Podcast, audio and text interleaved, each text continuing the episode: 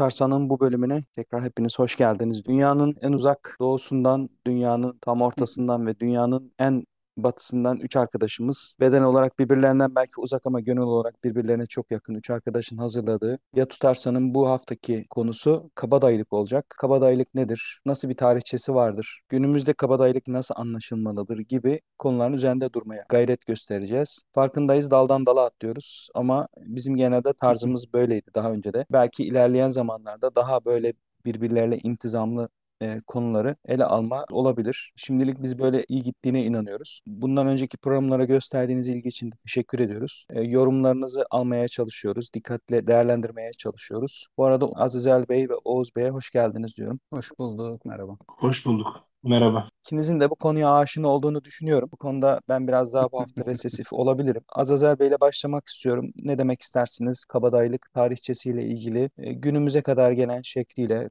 kabadayılığı nerede konumlandırıyorsunuz? Nasıl bir etkisi olmuştur toplumlara? Buyurun isterseniz sizinle devam edelim.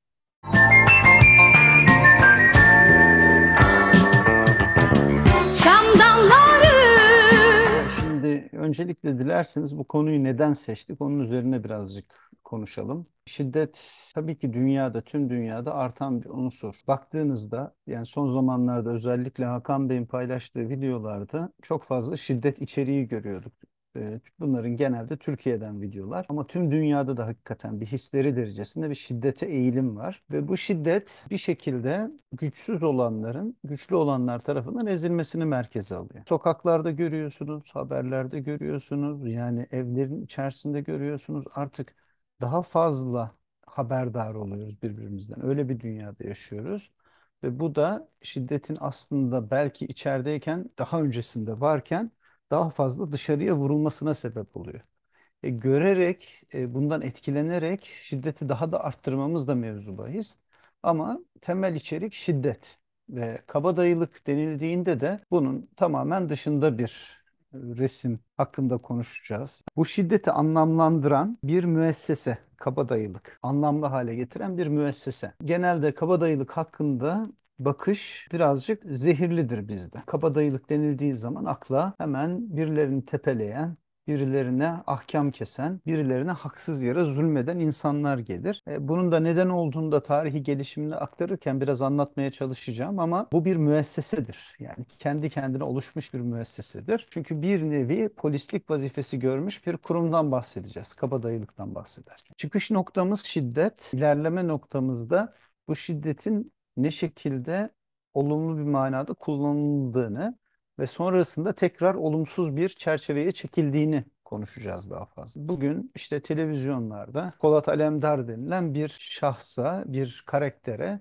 bir sürü misyon yüklendi. Ülke adına bir nevi kabadayılık. Neden? Kanun tanımazlık var. Ama baktığınızda olumlu bir çerçeve. Ya da son zamanlarda çıkmış benim de çok beğendiğim Şener Şen'in Kabadayı filmine baktığınızda orada Ali Osman karakteri e, hakikaten bize güzel bir kabadayı örneği sunuyor. İşte bir kurum haline gelmişler. Kimseden çalmayan, yoksullara sahip çıkan ama devletin örtüsünün altında saklanan yanında kanunsuz silah taşıyan, işte bu silahla başkalarını tehdit eden böyle bir karakter. Sonrasında da Devran çıkıyor ortaya. Devran da bu müesseseyi yıkan, modernleşmesi, modern zamanla beraber yıkan bir karakter olarak çıkıyor.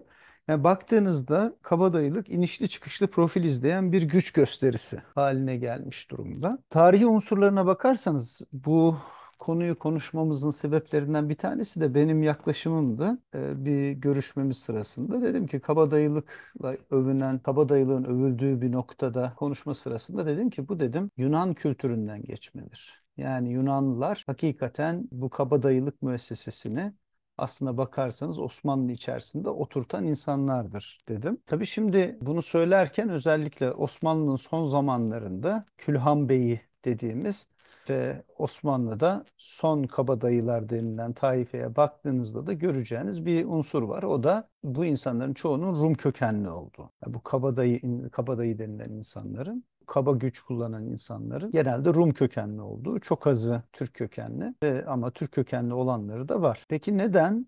Az önce söylediğim gibi kabadayılık bizde hem olumlu bir resimde baktığınızda olumlu bir tarafından olumsuz görülen bir şeydir.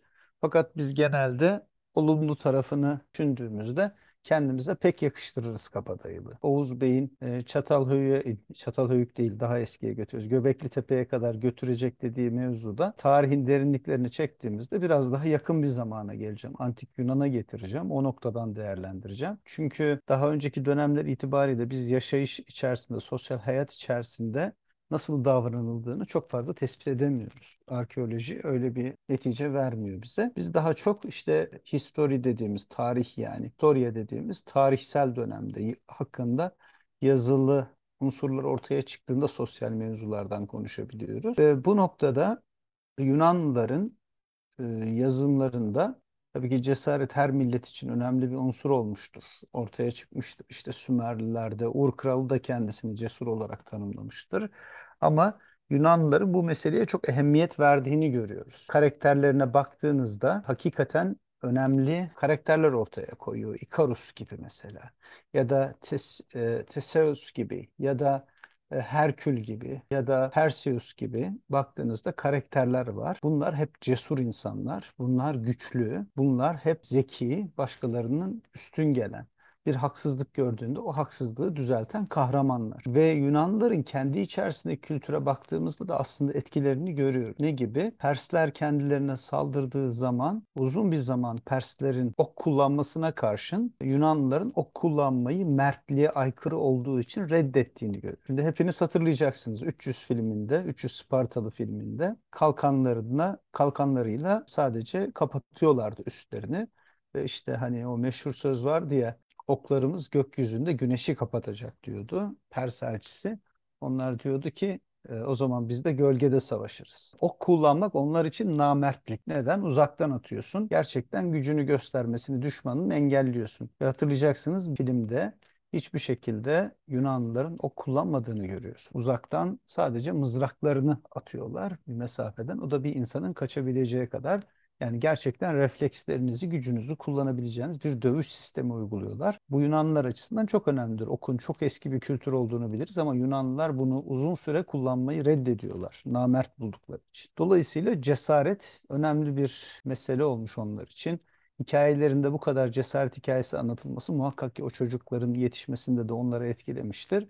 Ve Yunanlılar, gerek Atinalılar, gerek Spartalılar ki özellikle Spartalılar hakikaten yiğitliğe çok önem veriyorlar. Çıkış noktalarından bir tanesi bu. Osmanlı'ya geldiğinde aslında baktığınızda zorbalar var. Yani zorbalar 3. Murat döneminde ortaya çıkmış olan insanlar. Bunlar bugünkü anlayacağımız manada tahsilatçılar. Farsçadan geçen bir kelimedir zorba bizim dilimize. Kuvvetli manasını taşır aslına bakarsanız. Bugün e, kelime tamamen anlam değiştirmiştir ve dilimizde zor kullanan manasına geliyor. Yani Farsçası kelimenin aslı güçlü kuvvetli demektir ve daha çok Rum halkındakilerden tahsilat yapıldığı için Yahudi tüccarlardan tahsilat yapıldığı için bu zorba kelimesi dile güç kullanan, kaba kuvvet kullanan manasına gelmiş. Daha sonrasında da kullanımı devam et ve daha çok Yeniçerilerle bağlantılı olarak değerlendirilmiş. Enteresan bir şekilde dayı kelimesini o zaman Yeniçeriler için söylüyorlar. Kabadayı denildiği zaman da kabalaşmış e, Yeniçeri manasına geliyor. Yani bunların gerek devlet tarafından bazen seçilmiş, gerek bazen parayla kiralanıp da tahsilat yapılması için gönderilmiş olan güç kullanılanlarına kabadayı diyorlar. Ve böylece zamanla özellikle 16. yüzyıldan başlamak üzere bu kaba e, kabadayılığın asker arasında başlayan kabadayılığın giderek yayılmaya başladığını görüyoruz. Şimdi ben biraz uzatmış oldum. Biraz daha arzu ederseniz e, ilerleyerek devam edeyim ama 16. yüzyıldan itibaren biz kabadayılık müessesesinin artık Osmanlı'da yer almaya başladığını görüyoruz. Ve sonra da ilerleyerek dediğim gibi nasıl Rumlar tarafından daha fazla bu müessese kullanıldı onları da anlatacağım. Özellikle Arnavutlar tarafından, efendim Rumlar tarafından nasıl kullanıldı? Bu insanlar ne kadar gözü pekti? Neden Türkler arasından çok fazla kabadayı çıkmadı? Bugün anladığımız manada kabadayı onları da açıklamaya çalışacağım ilerleyen zaman içerisinde. Umarım yeterlidir Hakan Bey. Şam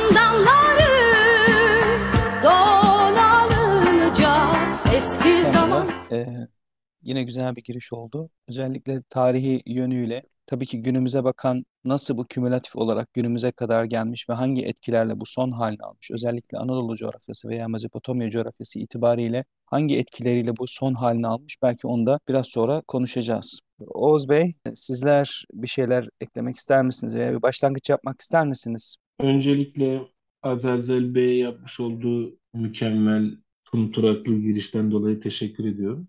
Ama ufak bir nokta var, onu düzeltmem lazım. Üçüncü Murat döneminden değil, bu tahsilat meselesi Kanuni döneminden başlar. Kanuni Doğru. Sultan Süleyman devlet ekonomisinin biraz kötüye gittiğini görünce ulufeleri karşılayabilmek için Yeniçerilere böyle bir hak tanır. Yani Yahudi tüccarların e, başkalarından alacaklarını tahsil etmelerine izin verir. Aslında bu mesele de yani bu mafyavari tahsilatçılık meselesi de Osmanlı'da böyle başlar. Hani Osmanlı tarihi kısmıyla alakalı söylüyorum yani bize bakan yönüyle. Yani ilk Yeniçerilerle başlar. Asıl kaynağında sipahiler vardı. Aslında Yeniçeriler biraz daha işe sonradan dahil olmuş ama meydana ele geçirmişlerdir diyebiliriz. Öncelikle mesela bu ufak bir düzeltmeyi yapmış olayım. Yani size de bir katkı olur. Yeni şeyleri öğrenmenin zararı olmaz değil mi? Ya şimdi bu şey meselesine gelirsek, kabadayılık mevzuna gelirsek, tahsilat mevzuna gelirsek doğru kanundan başladı.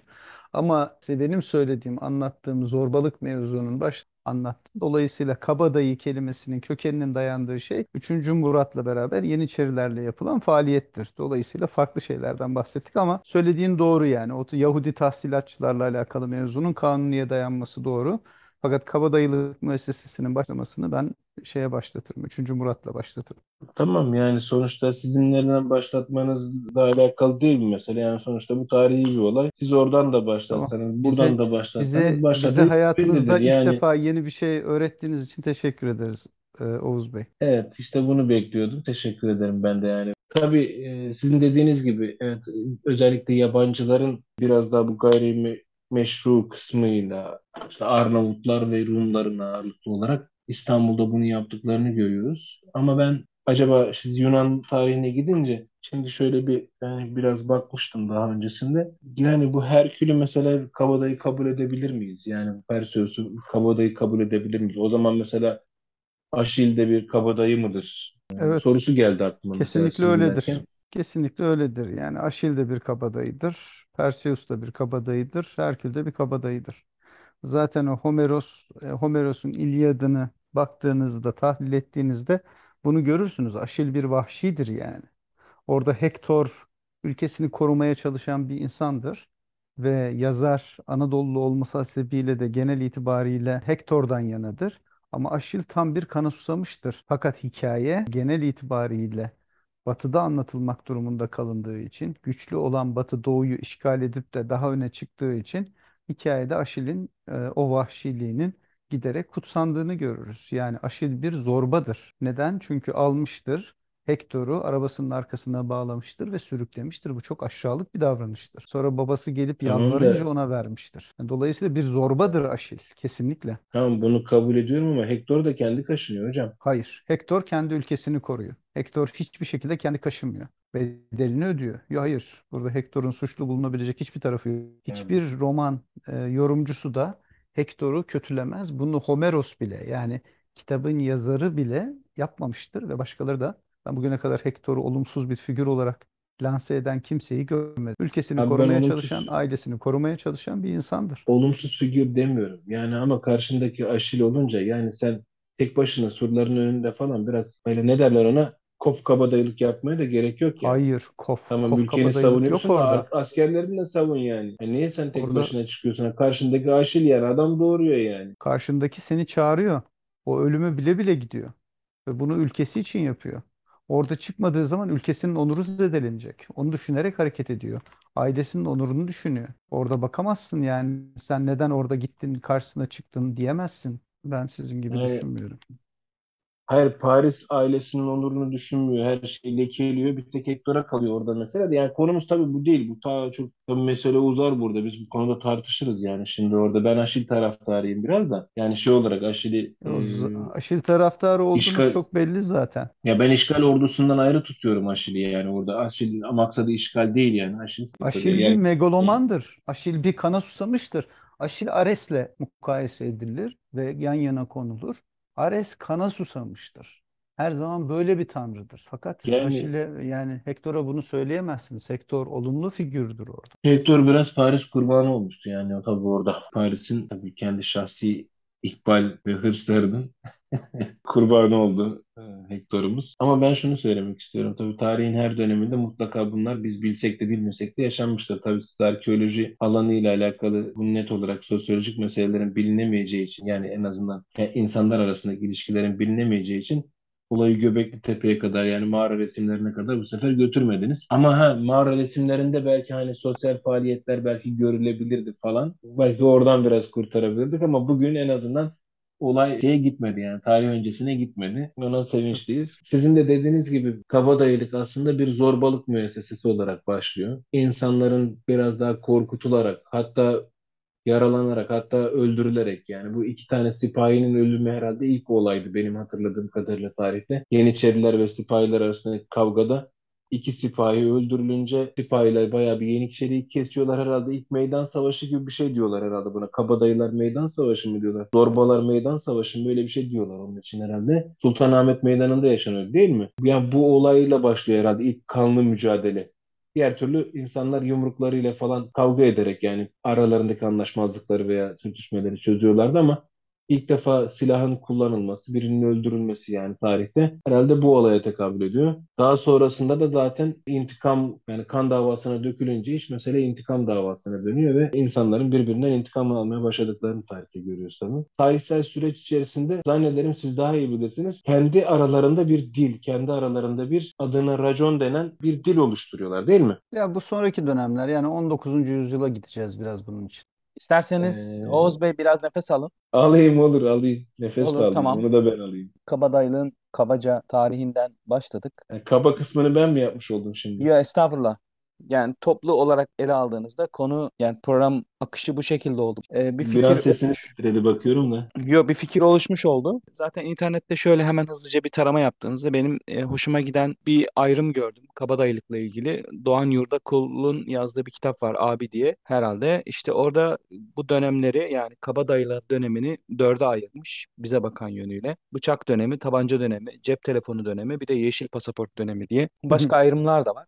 Ama bunlar için hazırlık yapmak gerekiyor. Kabadayılık ele aldığınızda sosyolojik bir olgu olarak Türkiye'ye bakan yönüyle almak zorundayız. Tabii ki devam edeceğiz şimdi Azazel Bey'le. Konu biraz daha açılmış olacak. Oğuz Bey'le iyice artık konuyu anlaşılır hale getirmiş olacağız. Fakat şunu da unutmamak lazım. Kabadayılık yaşandığı dönem itibariyle işte özellikle Yeniçeri dediniz. Yeniçerilerle birlikte Yeniçerinin bir ayrı bir kolunu da teşkil etmiş oluyor bu. Belki ele almak lazım. Kabadayılar o zamanlar neler yapıyorlardı? İşte mahalleyi koruyorlardı. E, Güç ve gövde gösterisi yapıyorlardı. Arkalarına bir gücü alıyorlardı. Dolayısıyla kabadayı olmak için sizin güçlü olmanız değil, gücü gücü kendi hesabınıza detebiliyor olmanız önemli. Organizasyon yeteneğinizin olması gerekiyor. Mazlumların bazen hakkını aradığınız gibi dönüp bu sefer mazlumlardan da hak aramaya başlıyorsunuz. Bu zulmü ayrıca katlayabiliyor. Çünkü onun tamamen merhametine terk etmiş oluyorsunuz. Bu Yeniçerilerin içinde tutunmuş olmasının farklı farklı sebeplerini görüyorum ama fakat belli bir toplum toplum düzeninin sağlanması itibariyle yani emniyetin ve asayişin sağlanması sözde bakıyorsunuz bazen kabadayılar nezdinde mesela diyelim bir aile anlaşmazlıkları, tahsilat anlaşmazlıkları, esnaf anlaşmazlıkları, sokak ihlalleri veya işte sokak güvenlik ihlalleri gibi durumlarda bu insanların rol oynadığını bazen de acı sonla artık bu işlerinin bittiğini e, başkasının tekrar gücü ele geçirdiğini görebiliyoruz. İnternete bakıldığında çok meşhur 10-15 tane kabadayıyı, ilk kad- kadın kabadayı ta 1960'lara kadar gelen herhalde Dündar Kılıç mıydı? Şimdi tekrar bakmam lazım bilmiyorum ama hı. Dündar Kılıç'a gelen Dündar Kılıç'a Kılıç kadar abi. gelen Evet. bir süre var.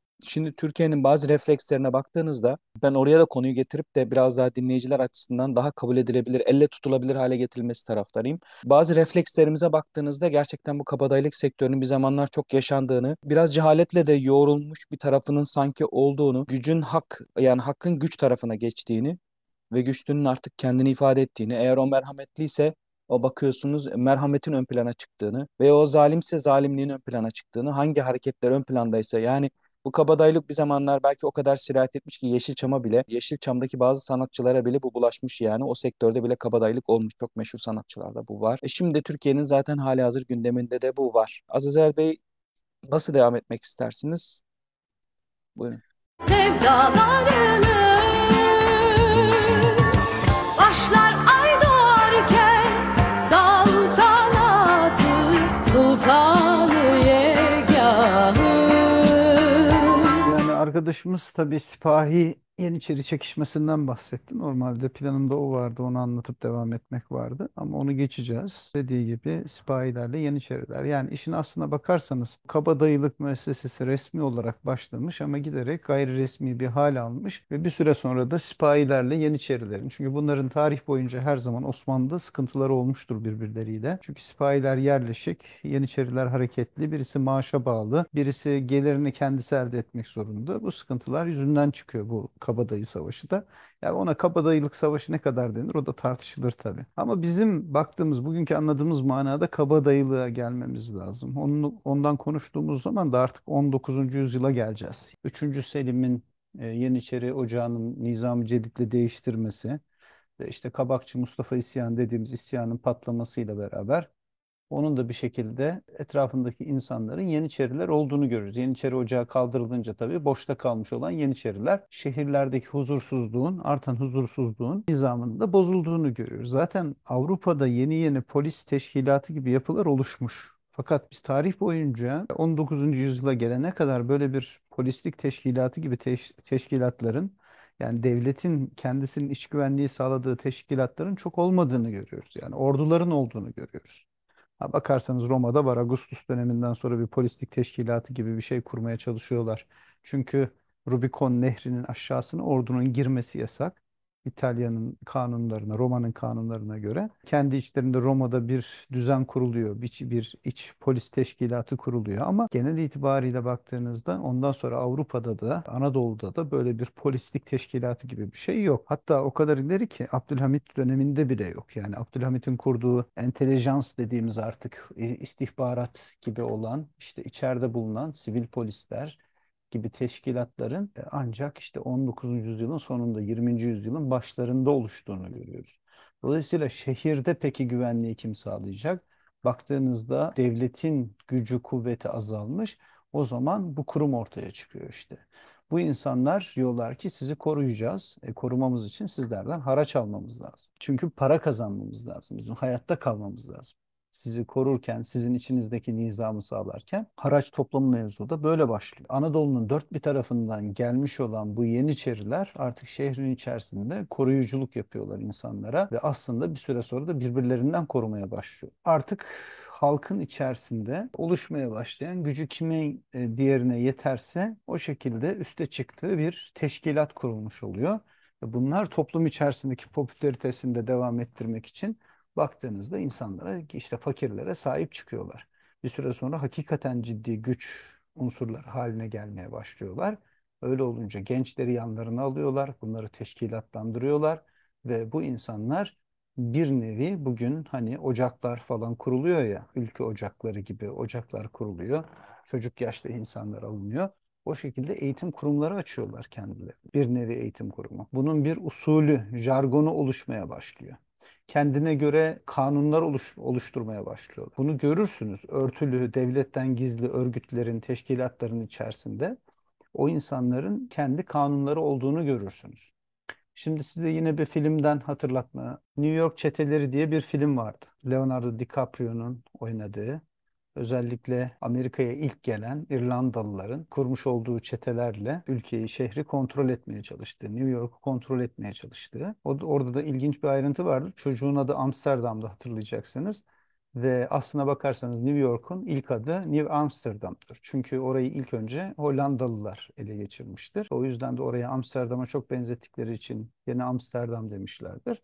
Ama daha sonra İngilizler ele geçirdiklerinde de oraya Yeni York demişlerdir. Kendi York şehirlerine benzettikleri için. Şimdi burada burada da orada oraya bir atıf vardır yani. Oraya bir işaret vardır. Orada çetelerin birbiriyle nasıl savaştığını gördünüz. İşte kendi hayatlarını devam ettiriyorlar.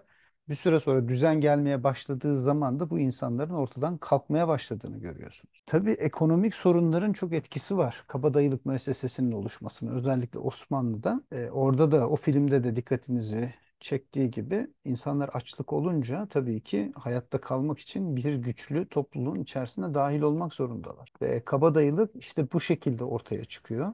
Ve bir süre sonra da o Külhan Bey'i tabiri vardır ya çok kullanılan. Külhan Beyleri aslında hamamlarda işte o külhan denilen fırınları yakan insanlardır. O insanlar yanlarına aldıkları kopuk dedikleri tipleri yetiştirmeye başlıyor ve çeteleşmeye başlıyorlar. Ve çeteler gittikçe, güçlendikçe orada, o mahallede, o bölgede etkin olmaya başlıyor. Devlet ne zamanki zabitleri getiriyor, zabıtalar bir nevi işte polis teşkilatı kuruluyor. Bu sefer onlarla çekişmeye başlıyorlar. Ama yine Kemal Sunal filminden hatırlayacağınız gibi aslında bakarsanız bunların üzerinde de çok ciddi bir etkinlik sağlayamıyorlar. Ve artık baktığınızda sokaklarda kimsenin bıçak taşımadan, tabii aşağı tabakadan bahsediyoruz. Bu eğitimli, kültürlü insanların sayıları azdır bu zamanda. O insanların ceplerinde bıçakla dolaşmaya başladıklarını yoksa başka türlü hayatta kalamadıklarını görüyoruz. Ondan sonra da sokak savaşları başlayacak zaten. İt dalaşı dedikleri e, sokak savaşlarına başlayacaklar ve birbirleriyle çarpışarak etkinliklerini arttırmaya çalışacaklar. Dilerseniz bundan sonra da yani hani belirli bir şekilde Osmanlı'nın son dönemlerinde İttihat ve Terakki ile beraber o zabitlik sisteminin oturması ve bir şekilde e, Yeniçerilerin artık ortadan kalkmaya başlaması veya kaldırılmaya başlamasıyla yeni düzen üzerindeki kabadayılık üzerine de konuşabiliriz. Burada gene ben uzatmama adına sözü kısa kesip e, size vereyim. Teşekkürler. Ee, bir tarihi süreci var tabii bu olayın. Neticede ya mafyalıkla da yani dünyadaki tabiriyle mafyalıkla da örtüşen bir tabirden bahsediyoruz ama işin bizcesi biraz daha Külhan Bey'le kabadayılık ve günümüz çerçevesi içerisinde başka başka tanımları olan bir olgudan bahsediyoruz burada. Bu, bu tabiri veya bu halka rağmen halk için yapılan şeylerden birisini belki 20. yüzyıl itibariyle Anadolu'da bazı sistemler ele aldı ve kendi içerisindeki örgütlemelerini buna göre yaptılar. Ve yeni tip bir kabadayı şeyi çıktı karşımıza. Bununla ilgili belki Azazel Bey'in güncel olarak nasıl bu, bu zamana kadar evrildi bu konu. Ondan sonra belki ele almak lazım. Şimdi dağıtıcı bir e, unsur olabilir. Dolayısıyla direkt hemen e, Oğuz Bey ile devam etmek istiyorum. Buyurun. Sultanı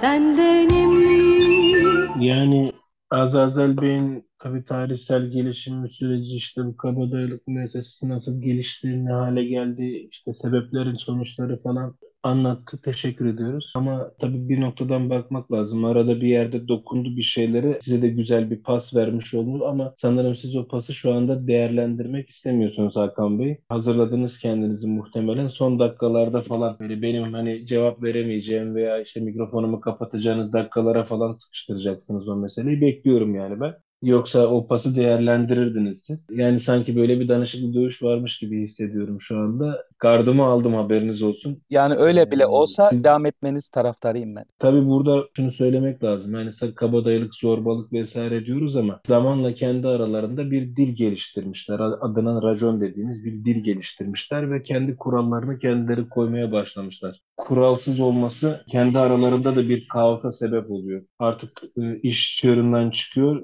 Kontrol edemeyecek bir noktaya, kendilerinin de kontrol edemeyeceği bir noktaya gelince hakikaten yani normalde kanlı bıçaklı olsalar da kendi aralarında anlaşıp öncelikle tabii kendi grupları içerisinde kurallar koyuyorlar. Kendi aralarında daha sonra da işte rakipleriyle anlaşıp işte bölgeler belirleme, işte şu bölge senin, bu bölge benim bölgeleri belirleme, hareket tarzlarını yani yapılan işlere karşı veya yanlış olarak kabul ettikleri işlere karşı iki tarafında bugün ceza kesmek diye tabir ettiğimiz karşılığında nelerin yapılacağı, nelerin yapılmayacağı, nasıl davranılması gerektiğini belirten bazı kurallar manzumesi hazırlamışlar. Tabii bu genellikle de kabul görmüş. Çünkü şöyle bir şey, gerçekten insanlar birçoğu itibariyle o günde yani mertlikten yana bakmışlar meseleye. Çünkü isimlerinin kötü anılmasını istemiyorlar. Aslında kabadayılık bir noktadan sonra da nam yapma, isim duyurma meselesi haline geldiği için isimlerinin kötü olarak algılanmaması için insanlar bu kurallara uymaya özen göstermişler. İşte bu kurallara en fazla uyan, en çok dikkat edenleri de kendi aralarında alemde tabii bugün tabirle söyleyeyim yani böyle üstad kabul et. Bu açıdan bakarsanız bence kabadayılığı sadece kof mesele olarak değil toplumsal, sosyolojik bir hadise olarak görmekte fayda var diye düşünüyorum. Hani Azazel bu meseleye katılır mı katılmaz mı bilmiyorum ama benim düşüncem yani yaşanan hadiseler sonucunda bu tarz bir şeyin hani kendi de söyleyen polis teşkilatı falan sadece polis teşkilatı değil kendi aralarındaki anlaşmazlıkları çözmek için de veyahut da işte biraz daha geçilmek için de başlayan mesele daha sonra farklı boyutlara kazandı. Yani artık usta çırak ilişkisine dönüşen yol izlemeye başladı diye düşünüyorum. Eklemek istediğim başka bir şey yok şu anda. Hani eklerim eklerim de e, Hakan Bey biraz şey yapabilir bu konuda sıkıntı çekebilir. Oğuz Bey'in, e, Azazel Bey'in üçüncü şimdiki konuşmasından sonra biraz daha açıklık getireceğine inanıyorum. Günümüze kadar geleceğiz çünkü. Merak ettiğimiz konulardan biri günümüze nasıl evrildi? Nasıl iş bir bıçaktan e, bir mahalle korumalarına ve kendi içindeki bir etik taşıyan, kendi içinde yani illa dedim ya olumlu manada kullanmak zorunda değiliz. Bir etik taşıyan şeyden günümüz artık böyle koca koca coğrafyaları bile sarsan, artık kendi YouTube kanalları olan bazı siyasi oluşumların özellikle kendi içindeki son 40-50 yıldır ki örgütlenmelerin içerisinde bir bir manifesto büyüklüğünde olmasa da varoluş kurgularından birisi olarak kendi içinde içerisine yedirdikleri bir olgu haline nasıl gelmiştir acaba? Ne dersiniz Azazel Bey? Denizden gelen ahın gizemli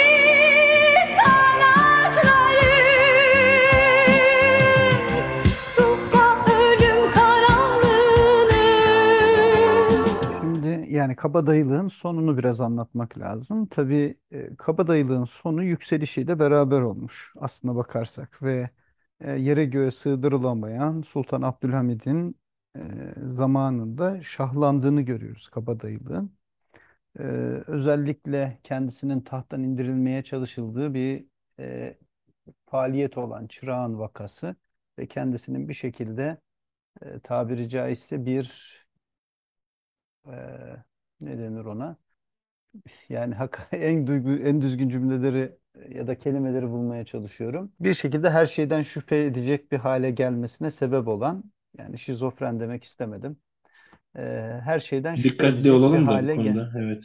Peki, yani Oğuz Bey buradayken Abdülhamit Sul- hakkında Sultan konuşurken Abdülhamit dikkatli olmak konusunda lazım. evet konuşurken dikkatli olmanız lazım. E, Şizofreni birçok insanda görülen bir hastalıktır ve bugün onun takındığı siyasi tavra baktığınızda da bunu bir sürü tic- siyaset ya da siyasi tarihçi söylemektedir. Hatta kendisini destekleyenler, çok sevenler bile söylemektedir. Önemli değil. İster kullanırsınız bu kelimeyi, ister kullanmazsınız Abdülhamit için ama Abdülhamit'in kabadayılığa ciddi bir hizmet ettiğini de açık seçik bir şekilde görüyoruz. Kabadayıları kendine yakın gördüğü, yakın kabul ettiği ve bir şekilde saraya devletlu kabadayılar aldığı, onları koruma için kullandığı, başka kimseye güvenmediği, devlet bürokrasisine güvenmediği bir dönem vardı. Ve bu dönem içerisinde yer, yani güçlendiklerini göreceğiz. Zaptiye nezaretine de baktığınızda aslında onun zamanında kuruluyor ama aktif bir şekilde kullanılması için At- İttihat ve Terakki'nin gelmesi gerekecek yani. Bu arada kabadayıların daha çok işte tulumbacılardan, az önce söylediğim gibi Külhan Beylerinden çıktığını da söyleyeceğiz ve bunlar artık silah kullanmaya başlamışlar. Silahlı devir başlıyor.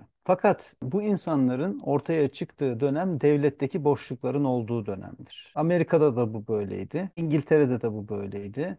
İtalya'da da bu böyleydi. Devletin olmadığı yerde bu insanlar ortaya çıkarlar. Yani bileğinin gücünü göstermek isteyen insanlar. Bugün de daha sonraki Cumhuriyet döneminde de devletin güçlü olduğu ve bunu hakikatiyle uyguladığı, gücünün gereğini yaptığı, halkını koruduğu, güvence aldığı zamanlarda bu insanların varlığından bahsedemeyiz. Daha sonraki dönemlerde yani özellikle iç işlerinin yeterince işlemediği durumlarda ortaya çıktıklarını görürüz.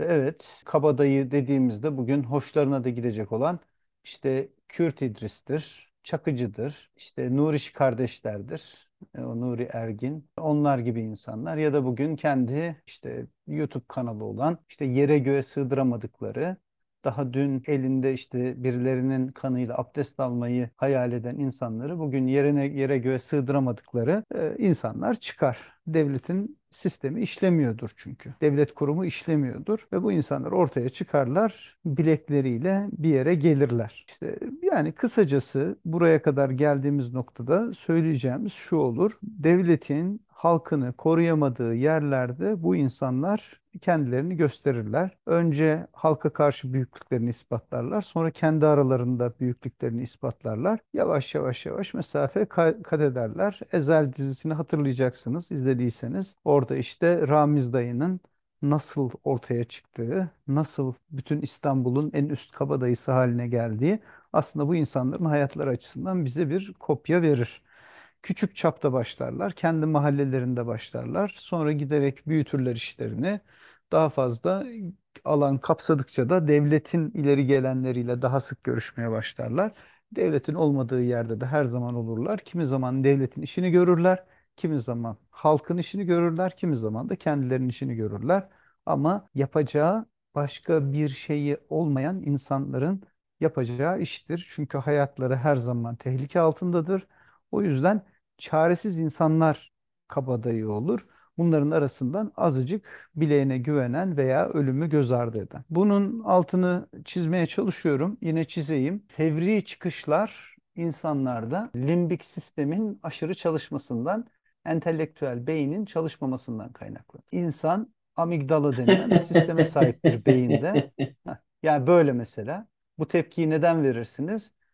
Çünkü bu arada entelektüel gerçekten. beyniniz bunu yapmanızı engelleyemez. Evet. Yani bu böyle gülmenizi engelleyemez mesela.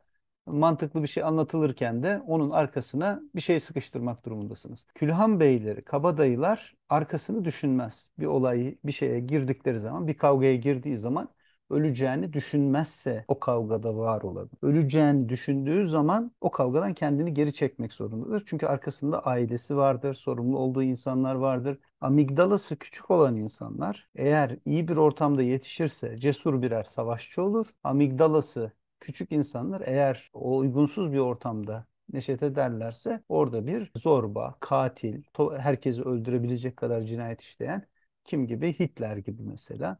E, Kim gibi? Mussolini gibi. İşte bunlar belirli bir ortamda büyümüş, asker olmuş. Ondan sonra da şeyleri, ileri görüş, ilerisini düşünemedikleri şeylerle cesur hareketlerde bulunmuş ve birçok insanın hayatını tehlikeye atmıştır. Ama savaşlarda cesaret örneği gösteren kim gibi? Yavuz Sultan Selim gibi, kim gibi? Efendim Alparslan gibi savaşta en ön cephede yer alıp ülkesi adına ya da Selahattin Eyyubi gibi ülkesi adına en iyi şekilde savaşacak insanlar da yetişmiştir. Bu kabadayılar amigdalası küçük insanlardır. Öyle olmasalar ilerisini düşünürler ve ona göre hareket ederler. Yani bu söylediğim isimlerde ölümden korkmazlar. Korkmaları için gerek yoktur. Çünkü entelektüel beyinleri bu insanların çalışmamaktadır. E, limbik sistemleri daha öndedir. Arkasını düşünmeden harekette bulunabilir. Günümüzdeki biraz daha yeni formülize edilmiş kabadayı modelinde Türklerin de biraz televizyona karşı olan veya medyaya karşı olan çok fazla ilgilerini de kullanarak kabadayılığın günümüzde artık her eve, okula, üniversitelere, şuralara, buralara kadar, mahallelere kadar, insani ilişkilere kadar girmiş olduğunu ve insanları çok ciddi etkilediğini, insanları biraz daha öfkelendirdiğini, şiddete daha yatkın hale getirdiğini görebiliyoruz. Siz nasıl değerlendireceksiniz mesela bu yani diyelim ki e, eski kabadayılar daha mı cesurdu? Şimdikiler daha mı korkak? Şimdi daha mı fazla güç alıyorlar arkalarına? Eskiler daha mı az güç alıyorlardı? Bir mukayese yaptığınızda günümüzü nasıl değerlendiriyorsunuz? Yani ben hayatımda birkaç kabadayıyla tanıştım. Bunlardan birisi dindar bir kabadayıydı. Sonradan dindarlaşmış bir kabadayı ve onu tanıma fırsatı buldum. Tanışmamız, kendisiyle bir konuşmamız, bir sohbetimiz olmuştu. Ama kabadayılığın fıtratına yedirildiğini gördüm. Kıyafetini hatta terk etmediğini, kolsuz deri bir ceket oluyor çıkartmadığını. Ama dediğim gibi dindar bir şeyi vardı. Ciddi Allah'a inanan bir insandı. Yani hayatını çok ciddi düzgün yaşayan, kend- kendine göre düzgün yaşayan bir insandı ama konuşurken onun kabadayı olduğunu hissedebilirsiniz. Ama üniversite yıllarında mesela şiddeti çok eğilimli olan bazı üniversite talebelerinin bazı kesimler tarafından kullanılıp bazen bir gecede, bazen bir haftada, bazen bir ay içerisinde çok hızlı bir değişiklikle bir anda adeta karşımıza kabadayı gibi çıktığını, insanları böyle nefret ettirecek kadar ortada olması, sürekli bir nizam ve intizam vermeye çalışması, çevresini inandığı sözde değerler adına dü- düzenlemek için her şeyi kullanmayı kendine mübah görmesi ve bir kesimi kendinden nefret ettirmesi falan gibi insanlarla karşılaştım. Karşılaştıklarımla sanki bu zamana böyle mi evrildi? Doğru mudur yoksa yanlış mıdır tespitlerimiz? Başlar ay doğarken saltanatın sultanı sizin bu sorularınızın başıyla sonunu birbirine bağlamak bazen gerçekten çok zor oluyor. Yani ciddi bir öyle bir entelektüel bıngıldak gerekiyor yani sizin bu Evet, sorularınızın başıyla sonunu bağlamak bıngıldak için. gerekiyor. Abi şu an televizyonda nereye açsanız insanların en çok izlediği şeylerin konularına baktığınızda hepsinde mafya var. Hepsinde kabadayı tipler var. Hepsi E, korkak. tamam devletler hiçbiri güçle karşı karşıya kalmamış, hiçbiri zoru görmemiş. Sadece mevcut gücü ve otoriteyi arkasına almış. Güç ve otorite ona öne çıkmayı emretmiş. O da çıkmış. Eskilerin karşılaştığı hiçbir Olaya güçlük ve zorluklarla karşılaşmamış. Bir bıçak bile kullanmayı bilmeyen, sadece öfkelenen, sert bakan, dik bakan, sürekli aforizma atan ve sürekli farklı farklı kızlarla birlikte olan ve hayatı bu döngüde geçen ve bunu hak olarak kabul eden şu an yaygın bir gelenek var yani. Tüm senaryolarda var. Siz neden olaya bu kadar duygusal baktınız? Onu çözemedim de. Meselenin televizyonlarda bu noktaya gelmiş olması işin tabii hakikat boyutunun etkisiyle oluyor. Bu işin popülaritesinin artması, gücün işte insanlar arasında artık bir meseleyi halletmede başat faktör olarak görülmesi, hatta devletin bile belli bir dönemde insanlarla farklı seviyelerde, farklı noktalarda sadece e, Türkiye'de değil ki başka ülkelerde yok mu? Başka ülkelerde de var. Devletin bile bu insanlarla temas kurması, temas etmesi veya devletin içerisindeki bazı insanların bunlarla temas etmesi sonucunda e tabii ki böyle şeyler oluyor. E, güç zehirlenmesi dedikleri hadiseyi nasıl tarif edersiniz başka türlü? E, ve tabii yani hiçbir şey ilkinde olduğu gibi olmuyor. Yani ilkinde belli bir kuralı olan, rajonu olan, belli bir düzeni ve sistematiği olan durumken bu e, daha sonrasında tabii evriliyor. Şimdi siz televizyon dizilerindeki mankenlerden, oyunculardan falan tabii mevzuya bakıyorsunuz. Fakat gerçek hayatta bu böyle değil. Ya bu biraz daha farklı. Yani bu bir risk. Siz aslında çok büyük bir risk alıyorsunuz ortaya çıkarak. Yani sizin belki Hakan Bey bilmiyorum ama yani sizin belki hayatta alamayacağınız bir riski alarak insanlar orada meydana çıkıyor. Pardon bu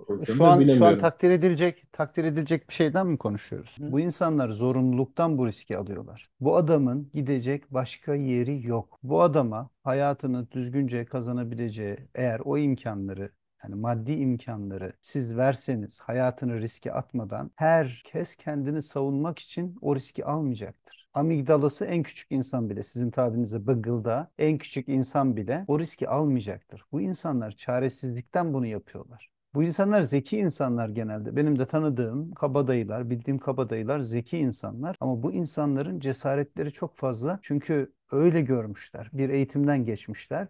Ve işte o cesaretlerini paraya çeviriyorlar. Burada sizin, biz, benim almayacağım risk meselesi değil bu. Kimse o riski almak istemez. Bu adam almak zorunda. Çünkü başka yapacağı bir şey yok. Bu adamın cesareti o riski almasını, göze almasına sebep olacak kadar açık bir zaviyede, açık bir alanda ve yetiştiği noktada onu oraya taşımış. Eğer aynı imkanlarla başka şey elde etse o riski almaz. Sizin bizim almadığımız gibi. Fakat burada şunu söylemeye çalışıyorum. Yani aldıkları büyük bir risk bu insanlar. Ve bu riski almak hani ya diyorum ki yani sen bu riski alabilir misin yani? Sen bunları eleştirirken "Yo, şöyle kötüler, böyle kötüler derken veya işte arkalarına belli bir gücü e, alıyorlar, dayıyorlar, şunu yapıyorlar, bunu yapıyorlar derken bazı insanlarla alakalı sen e, alabilir misin abi bu riski? E, geçmişte insanlar risk alıyordu. Şimdi insanlar risk almıyor. Onun için aynı riski alabilir misin derken ben üniversite yıllarında Külhan Beyli ve Kabadayı olan arkadaşlarımın hepsinin şimdi profesör olduklarını görüyorum. Dolayısıyla bu risk eğer bu idiyse ben o riski alamadım evet. Onların arkasında güç durdu ve bütün sistem onları en az doçent yaptı yani ve hepsi işlerinde ve mesleklerinde ve hepsi de çok yani Türkiye şartlarında ortamları çok iyi olan insanlar yani. Risk dediğiniz bu. Ama e, karşı tarafta gerçekten ne derler? Onlara karşı duran insanların ve gerçekten hayati tehlike yaşadıklarını gördüm. Sadece fikir ayrılıklarından dolayı. Sistem ile sistem ise öbürlerinin arkasında, kamu onların yanında olduğu için sistem onların arkasında durduklarından hepsi title'larını, omuzlarını hepsine çaktılar ve normal hayatlarında şu an yaşıyorlar. Eğer kastettiğiniz oysa ben dizilerden sadece şunu söyledim. İnsanlar tahrik oluyor. İnsanlar bunun gerçek olduğunu zannediyor. Böyle bir riskin sanki alınabileceğini, hayatın bundan ibaret olacağını, kolaycılık, insanı korkutmanın, e, sürekli sere serpe ve düşünce dünyası olmayan ku- kurgunun olabileceğini düşünüyorlar. Manasında söyledim. Kimseyi aşağılamak niyetinde değilim yani. Ama sistemlerle ilgili konuşurken konuşabiliriz tabii. Özellikle Kurtlar Vadisi'ni neredeyse hiç izlememiş bir insan olarak söylüyorum. Yani oradaki Buna, anlatılan bunu mevzuların, işlenen konuların gerçeklikle ne kadar alakası vardır onu demiyorum. Oradaki insan tiplemesinin, işte Polat Alemdar denilen insan tiplemesinin, yani hakikatte aslında mümkün olamayacağını, böyle bir dünyada dünyanın olmayacağını aklı olan, kafası çalışan bu mevzuyu anlayabiliyor. Tabii sizin dediğiniz kısımda tabii o bıngılda varlığı tartışma olan insanları ayrı tutuyorum tabii ki. Yani Azazel şey söylediğim herhalde. söylediğim şey sizin sorunuza cevap olabildi mi? Olmadı. Tamam oldu. Peki. ya burada burada tamamen yanlış anlaşılmalarla devam ediyoruz bence başından itibaren. Sorulan soru bu insanlar bir risk aldılar. Bu aldıkları riski siz alabilir misiniz? Biz bu riski almayız. Çünkü biz akıllı insanlarız. Bizim cesaretimiz olsa da mantığımız, aklımız bir saniye müsaade edin. Madem konuştunuz söz sözü de dinleyin yani. Buradaki mesele bunu aklı başında olan bir insan almaz. Arkasında düşünmesi gereken çoluğu çocuğu olan, efendim arkasında düşünmesi gereken, arkasından gözyaşı dökecek insanları olan, arkasından eğer ahiret inancı varsa boşu boşuna ahirete tam bir kütük gibi böyle yuvarlanıp gidecek bir yol olan bir yolu akıllı bir insan tercih etmez. Akıllı bir insan kendisi için, etrafındakiler için, insanlık için en güzel olacak şeyi takip eder. Şimdi bu noktada biz bu riski almayız. Akılsız insanlar olarak onlar o riski aldıysa bunu zorunluluktan yapmışlar. Ha kabadayılar değil, televizyondaki şeylerden bahsediyorsanız tiplerden risk alıyor. Çünkü bir yere gelmek istiyor. Çok güzel bir film vardır. İsmini falan hatırlamıyorum. Kadir İnanır'ın eski bir filmidir. Filmde şunu anlatıyor. İşte gidiyor bir kabadayının karşısına geçiyor. Silahı boşaltıyor. İşte Rus ruleti oynuyor onunla. Adam ölüyor, bu onun yerine geçiyor. Sonrasında da genç geliyor Kadir İnanır'a yıllar sonra bu işte büyüyor, büyük bir mafya babası oluyor. Ondan sonra bir genç geliyor, genç oturuyor karşısına, silahı boşaltıyor aynı kendisinin yaptığı gibi. Sonra başlıyorlar karşılıklı tetikleri çekmeye ve en sonunda çocuğun kafası dağılıyor. O ölüyor. Kendini vuruyor yani. O kaybetmiş oluyor. Bizim kahramanımız kazanmış oluyor ama üzülüyor. Sonra o işi bırakmaya karar veriyor. Şimdi buradaki cesaret bir bedel. Belirli bir şeyin karşılığında ödenmesi gereken bir bedel. Akıllı insan o alacaklarını, elde edeceklerini hayatını ortaya koyarak değil, başka şeyler ortaya konulabilecekse onları ortaya koyarak almaya çalışır. Bu şu demek değil, bir insanın ne kadar cesur olduğunu en çok sıkıştığı ve artık karar vermesi gerektiği an anlarsın. Zaten onun için harp okullarında, akademilerde insanlara dinin ne kadar önemli olduğu anlatılır. Çünkü insan ahirete inanacağını, inandığı zaman, onun için bir yere gittiğini düşündüğü zaman iyi savaşır, daha cesur savaşır ve ölüm çok gözünün önüne gelmez. Bunu da akademiler kullanmak isterler. Hasılı Buradaki mesele, kabadayılıkla alakalı mesele, bu insanların çok büyük bir fedakarlık yaptığı, hayatlarını ortaya koyarak büyük bir cesaret örneği gösterdikleri değil, ne kadar buna mecbur oldukları, başka yollarının olmadığı ve bunun övülecek ve takdir edilecek bir şey olmaması. Takdir edilecek bir tarafı vardır kabadayılı. Kendini halkın gözüne ister büyük göstermek istesin, ister rajon gereği daha iyi bir insan göstermek istesin. Fakirlere yardımcı olurlar. Bir kural kitapları vardır. Ona uygun davranırlar. Ondan vazgeçmezler. Dürüst davranırlar. Dürüst konuşurlar. Ama bir şeyi iyi yap, iyi yaptığın şeyleri ne amaçla yaptığın ve neyi kıstas alarak kendine yaptığın çok önemlidir. Bu insanların kıstasları da yanlıştır. Sonunda varmak istedikleri yol da yanlıştır. Yani ellerindeki kitap yanlış bir kitap, varmak istedikleri yerde yanlış bir yer. Ve devlet varken devletin bunların sağlamış olduğu iyi imkanları, fakirlere bakmaksa fakirlere bakmak, insanların güvenliğini sağlamaksa insanların güvenliğini sağlamak, bunu yapma zorunluluğu vardır. Devletin yapmadığı yerde bu insanlar ortaya çıkar ve gitgide bunu suistimal ederler, elde ettikleri gücü. Bunu söylüyorum sadece. Sultanı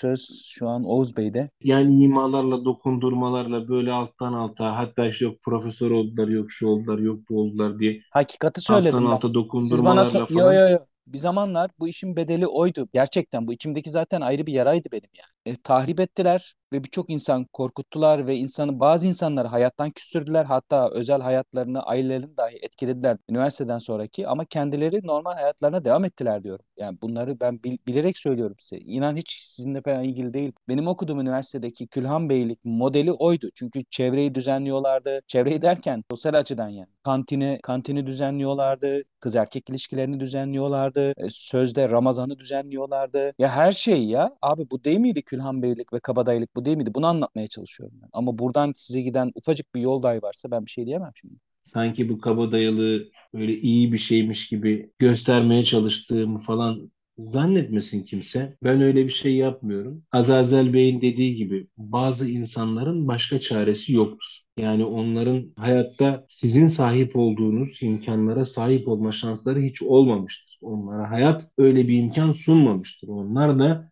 içinde bulundukları hayatta mecburen belki hani Azazel Bey'in dediği gibi mecbur kalarak bu yolu tercih etmişler. Yani yaşadıkları ortam itibariyle, hayat şartları itibariyle belki de hayat onları bu noktada zorlamıştır. Biraz da bu açıdan bakmak lazım.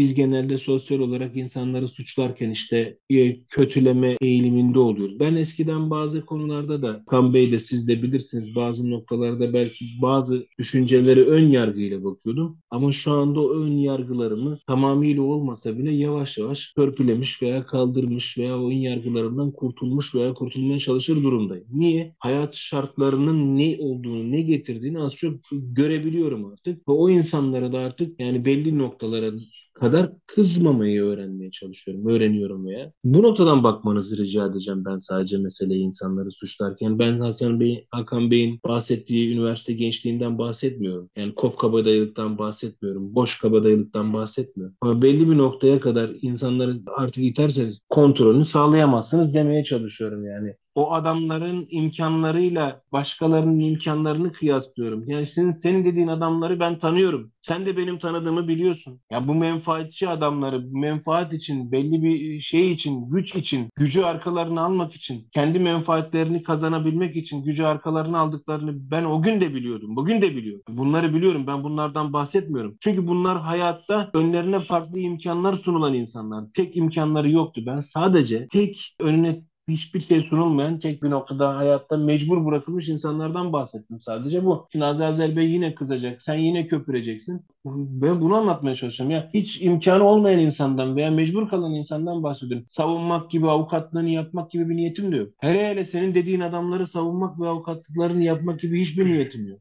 Oğuz Bey, çatıştığımız hiçbir şey yok.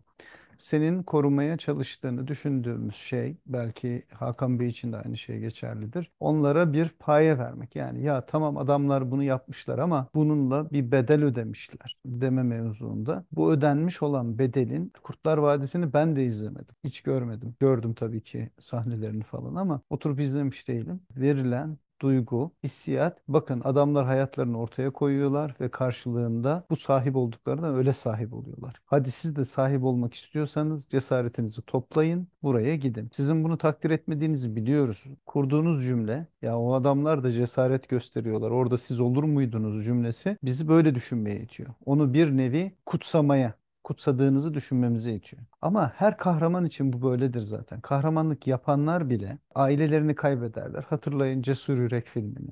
Braveheart. İşte kız karısı öldürülene kadar hiçbir şekilde İngilizlere karşı koymayı düşünmüyor ama sonra kahraman oluyor. Ya da işte bakın yine kahramanlık filmlerinde annesini kaybeder, babasını kaybeder, işte amcasını kaybeder örümcek adam öyle kahraman olur. Kaybedecek bir şey olan insanın kahraman olmaması doğaldır. Kaybedecek bir şey olmayan insanınsa kahramanlığı aslına bakarsan beş para etmez. Onun için buradaki insanlar kaybedecek bir şeyleri olmadığı fikrini önlerine koyup onunla hareket ediyorlar.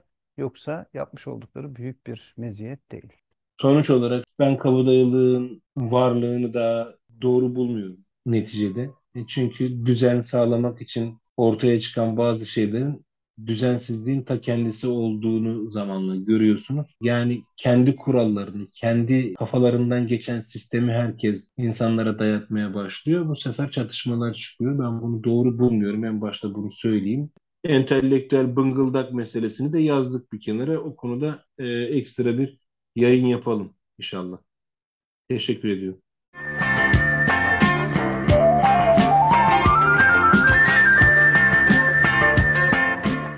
Değerli dinleyicilerimiz programımıza katıldığınız için teşekkür ediyoruz. Bildiğiniz gibi Anchor.fm üzerinden podcastımız yayında ama Spotify gibi, Apple Podcast gibi, Google Podcast, Overcast, Amazon Music, iHeartRadio, Castbox gibi yerlerden de eğer ilginiz varsa bu tür şeylere, platformlara karşı oradan da bizi dinleyebilirsiniz. E, olumlu veya olumsuz eleştirel olarak bütün yorumlarınızı e, bekliyoruz. Bizlere rahatlıkla ulaşabilirsiniz. Tekrar katılımcılara teşekkür ediyoruz. Başka bir bölümde tekrar görüşmek üzere. Hoşçakalın.